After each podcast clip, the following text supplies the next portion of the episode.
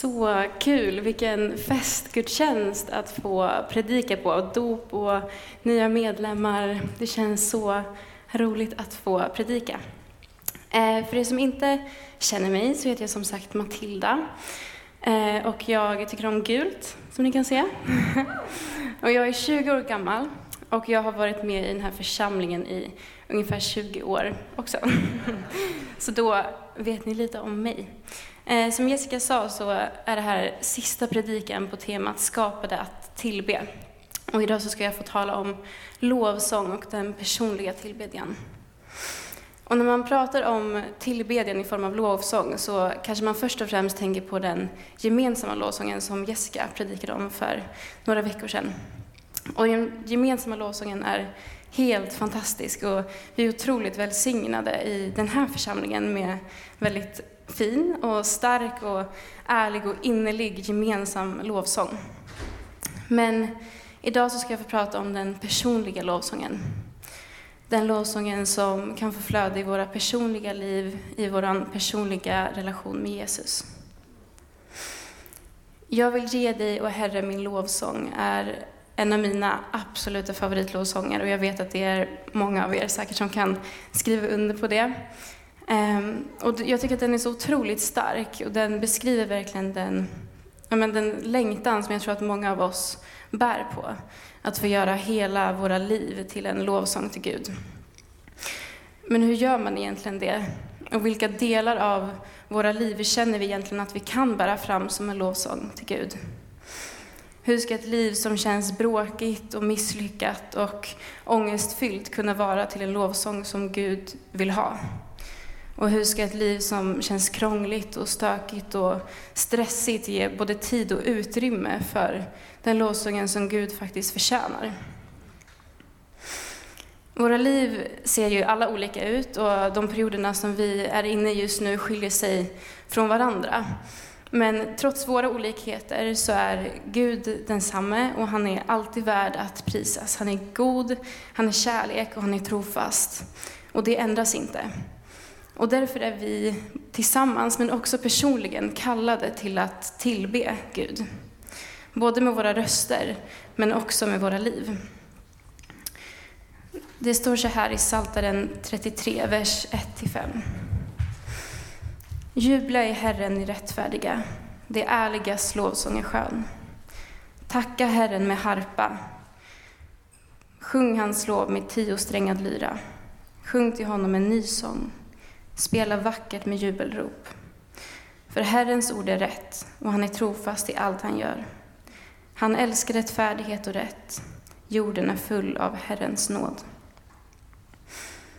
I de tre första verserna här så uppmanar och uppmuntrar författaren oss att vi ska lovsjunga, att vi ska tacka honom med harpa, att vi ska sjunga en ny sång, att vi ska spela med tiosträngad lyra, vad nu det är för någonting. Eh, och spela vackert med jubelrop. Och idag så kanske man hade refererat till lite andra instrument, men poängen är densamma. Att Gud vill ha och kan förtjäna vår lovsång. Och i de två följande verserna så beskrivs det också varför han förtjänar det. Jo, för att han, hans ord är rätt, för att han är trofast, för att han älskar rättfärdighet, för att, Herren, för att jorden är full av hans nåd. Vi ska tillbe honom för att han förtjänar det. Men känslomässigt för oss människor så är det nog ganska sällan det är så lätt som det låter. Ehm, din lovsång kanske inte låter som en tiosträngad lyra eller som ett vackert jubelrop, utan den kanske mer och oftast är som ett ostämt piano eller som en gitarr som har tappat två strängar. Och vad har vi då att ge? Vad har vi då att ge som tillbedjan? Den allra första versen i den här salmen, den kan få bli som befrielseord för oss, och den förklarar för oss att jubla i Herren i rättfärdiga, de ärligas lovsång är skön. Det står inte att det välstämda pianots lovsång är skön eller att det vackras lovsång är skön, utan det står att de ärligas lovsång är skön. Det är det ärliga som Gud vill ha av oss och det är det ärliga som Gud vill höra. I Johannes evangeliet kapitel 4, vers 23-24, så står det så här. Men det kommer en tid och den är redan här, när sanna tillbedjare ska tillbe Fadern i ande och sanning. Sådana tillbedjare vill Fadern ha. Gud är ande, och den som tillber honom måste tillbe i ande och sanning. Och för två söndagar sedan så predikade Petrus Urell om andefylld tillbedjan. Ehm, och att tillbe i sanning då, vad innebär det? Men att tillbe i sanning, det tror jag innebär både att vi måste tillbe Gud med sanningen om vem han är. Att vi ska tillbe honom med sanningen om att han är god, med sanningen om att han är trofast, sanningen om att han är kärlek. Men det innebär också att vi ska tillbe Gud med sanningen om vilka vi som tillbedjare är. Att vi ska kunna vara sanna med platsen som vi är på. Att vi som tillbedjare ska kunna vara sanna med Gud om vad vi bär på. Att vi syndar men att vi är förlåtna. Att kunna vara transparent i sin tillbedjan om platsen man är på och inte tillbe Gud från ett ställe där man tänker att han vill att man ska vara på, utan från platsen där man faktiskt är på. Och jag tror att den allra största utmaningen för oss när det kommer till den personliga tillbedjan är de förväntningar och de krav som vi människor sätter på oss själva. För att den stora kampen för oss, det är inte Gud. För Gud är alltid tillgänglig. Gud är alltid nära. Men det är våra egna tankar och våra egna föreställningar och förväntningar som ställer till det för oss. Hur vi tänker att ett tillbedjande ska se ut och ta sig uttryck, hur den ska vara. Det har i alla fall varit den allra största utmaningen för, för mig när det kommer till min tillbedjan. Och jag har under många och långa perioder kämpat med ja, tanken om vad jag tänker att Gud vill ha. Vad kan jag ge? Vad är värdigt nog för mig att bära fram till Gud? Och till slut så kom inte min tillbedjan heller från mitt hjärta, utan mer från ett begär att se till att jag checkade alla de här boxarna som jag tänkte krävdes för att min tillbedjan skulle vara nog. Och mina ja, förväntningar på hur det skulle kännas känslomässigt när jag lovsjöng, eller mina tankar om hur jag skulle formulera mina böner, men också min förväntan på det känslomässiga gensvaret av min tillbedjan. Det var alla de förväntningarna som, som försvårade det för mig och som skapade en kamp inom mig.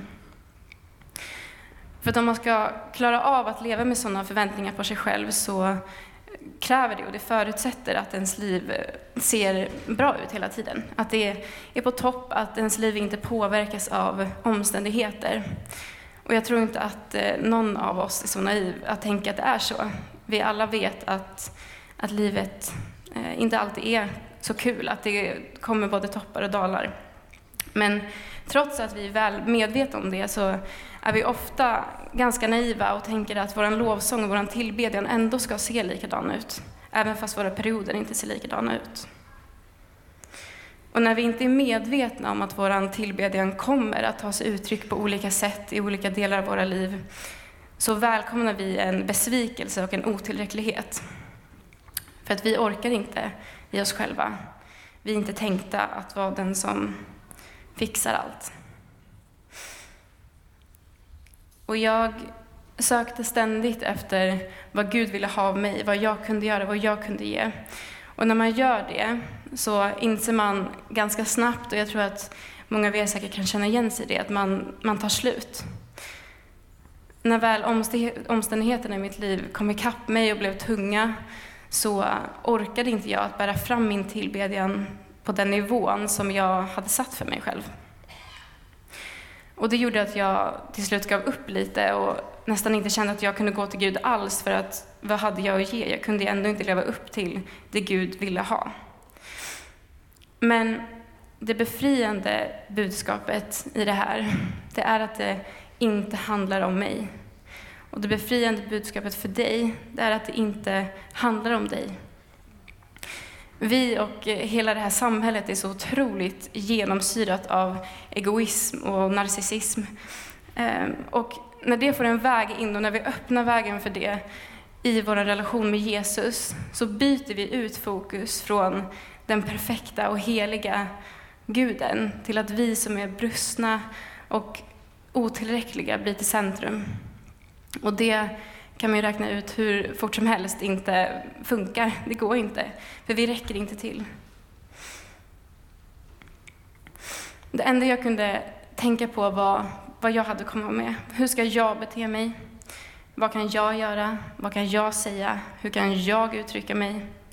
Och min relation med Jesus blev väldigt, men, omedvetet väldigt eh, egoistisk och självupptagen.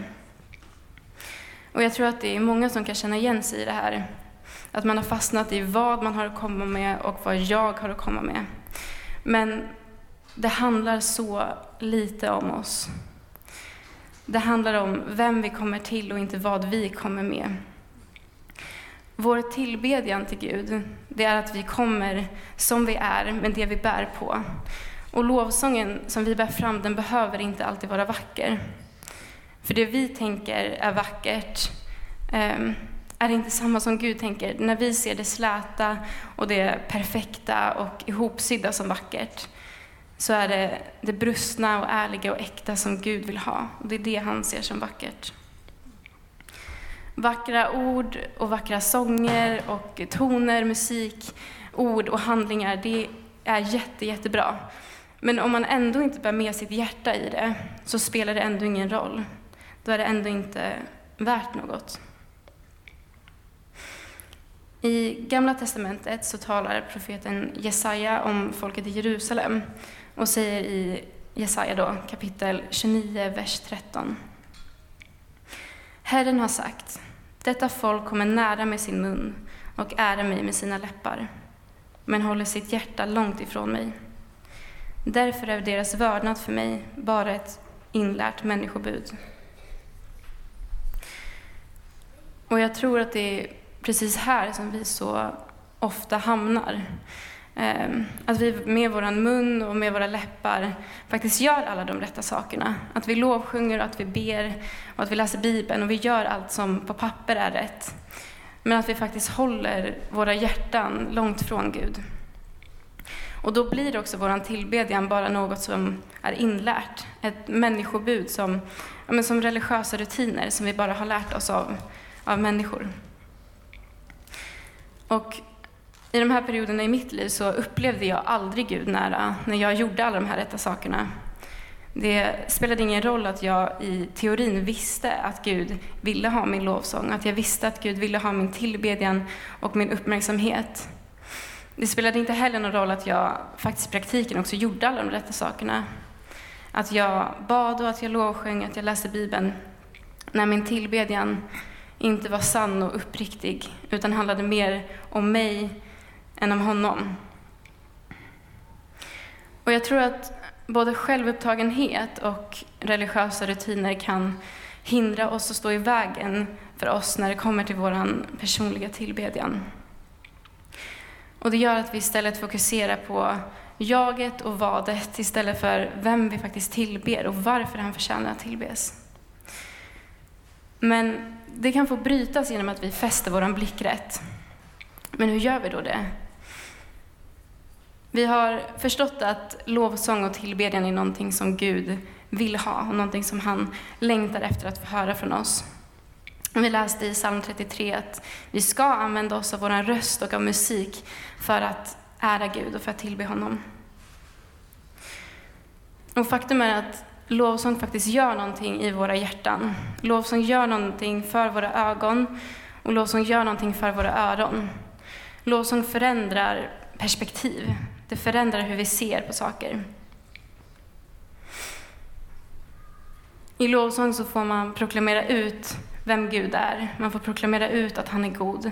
Och när vi talar ut och när vi sjunger och spelar ut sådana ord så förändrar det oss och det förvandlar oss. Jag har börjat gå mer till jobbet nu på morgonen när det blivit lite varmare. Och eh, då går jag vägen genom en dal där jag nästan aldrig möter någon levande människa. Um, inte någon död heller för den delen. Men jag möter ingen oftast. Några rådjur har jag träffat någon gång. Um, men oftast inte några människor. Och den stunden för mig, den har fått bli en stund där jag bara kan få gå och sjunga till Gud. Där jag kan få gå och proklamera ut att han är god. Att jag får sjunga ut att han är trofast. Och där jag får tacka honom för att han är det. Där jag får tacka honom för att hans löften håller och för att han bär mig. Och de dagarna när jag inte orkat göra det så har jag bara kunnat sätta på lovsång i mina hörlurar och få ja, men, bäras i min tillbedjan. Och de här stunderna, de har fått förvandla mig. Inte bara för stunden, utan faktiskt för hela, för hela dagen. Tillbedjan har fått förändra hur jag ja, men, tar mig an olika saker som händer under dagen. Hur jag pratar med mina kollegor, hur jag ser på barnen som jag möter på jobbet. Ehm, hur jag ja, men, tacklar hinder som, som jag möter. Men framförallt så har den tillbedjan har hjälpt mig att faktiskt få öppnade ögon för Guds godhet i mitt liv ännu mer. Det har fått mig att se Gud ännu tydligare och vad han gör i mitt liv under dagen. Tillbedjan har fått förvandla mig. Och förstå mig rätt, tillbedjan ska absolut inte bara handla om vad vi kan få ut av det, för i grund och botten så handlar det ju enbart om att Gud faktiskt förtjänar vår tillbedjan. Men det är också en sanning att vi förvandlas av att tillbe. Det är en sanning att vi förvandlas av att proklamera ut att Gud är god. Och den förvandlingen den bottnar inte i våra fina röster eller fina ord, välformulerade böner. Ehm, utan den förvandlingen den bottnar endast i att vi faktiskt fäster vår blick från oss själva till Gud. Där vad Gud har gjort och den han är får vara det som totalt förvandlar våra inren. Och lovsång är ett botemedel för den egoismen och självupptagenheten som vårt samhälle andas av. Och också för den självupptagenheten som många gånger faktiskt får prägla vår relation med Jesus. För lovsången, den öppnar våra ögon. Den öppnar våra ögon för vem Gud är, men den öppnar också våra ögon för vårt beroende av honom. Och det föder en ödmjukhet och en tacksamhet. Och den ödmjukheten och tacksamheten i sin tur får födas till nya lovsånger. Det spelar ingen roll om ditt liv känns misslyckat, ångestfyllt, bråkigt eller stressigt. För det Gud vill ha av dig och det Gud frågar efter, det är inte vackra jubelrop eller välformulerade böner. Utan det Gud längtar efter hos dig, det är att du ska komma som du är, med det du bär på.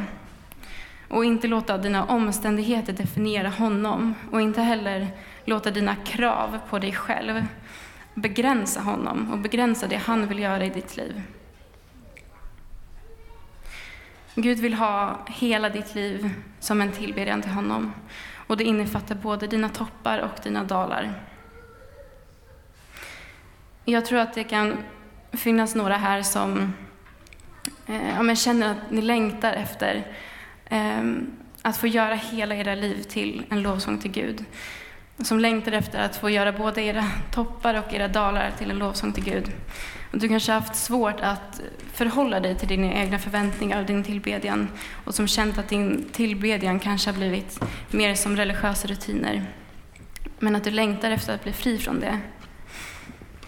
Och jag tror också att du kan finnas här som känner igen dig i att du har gjort din tillbedjan till, ja, men mer centrerad kring dig än till Jesus.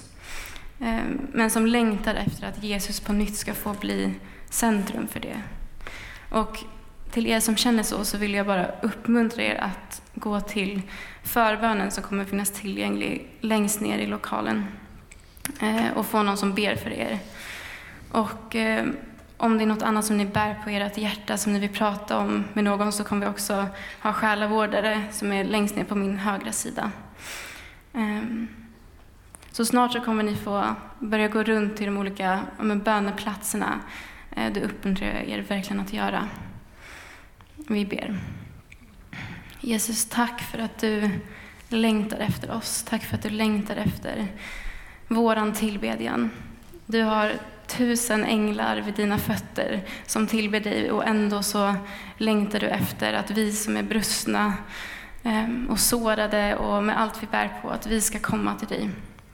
Så jag, Herre, jag bara ber att du ska hjälpa oss att tillbe dig med hela våra liv, med allt vad vi är. Jesus, hjälp oss att komma ihåg vad tillbedjan handlar om. Att den handlar om dig.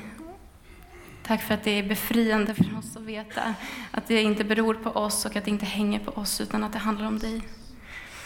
Mm, hjälp oss att komma tillbaka till vad tillbedjan egentligen handlar om. Tack för att du förtjänar allt, för att du förtjänar vår lovsång. Mm. Amen.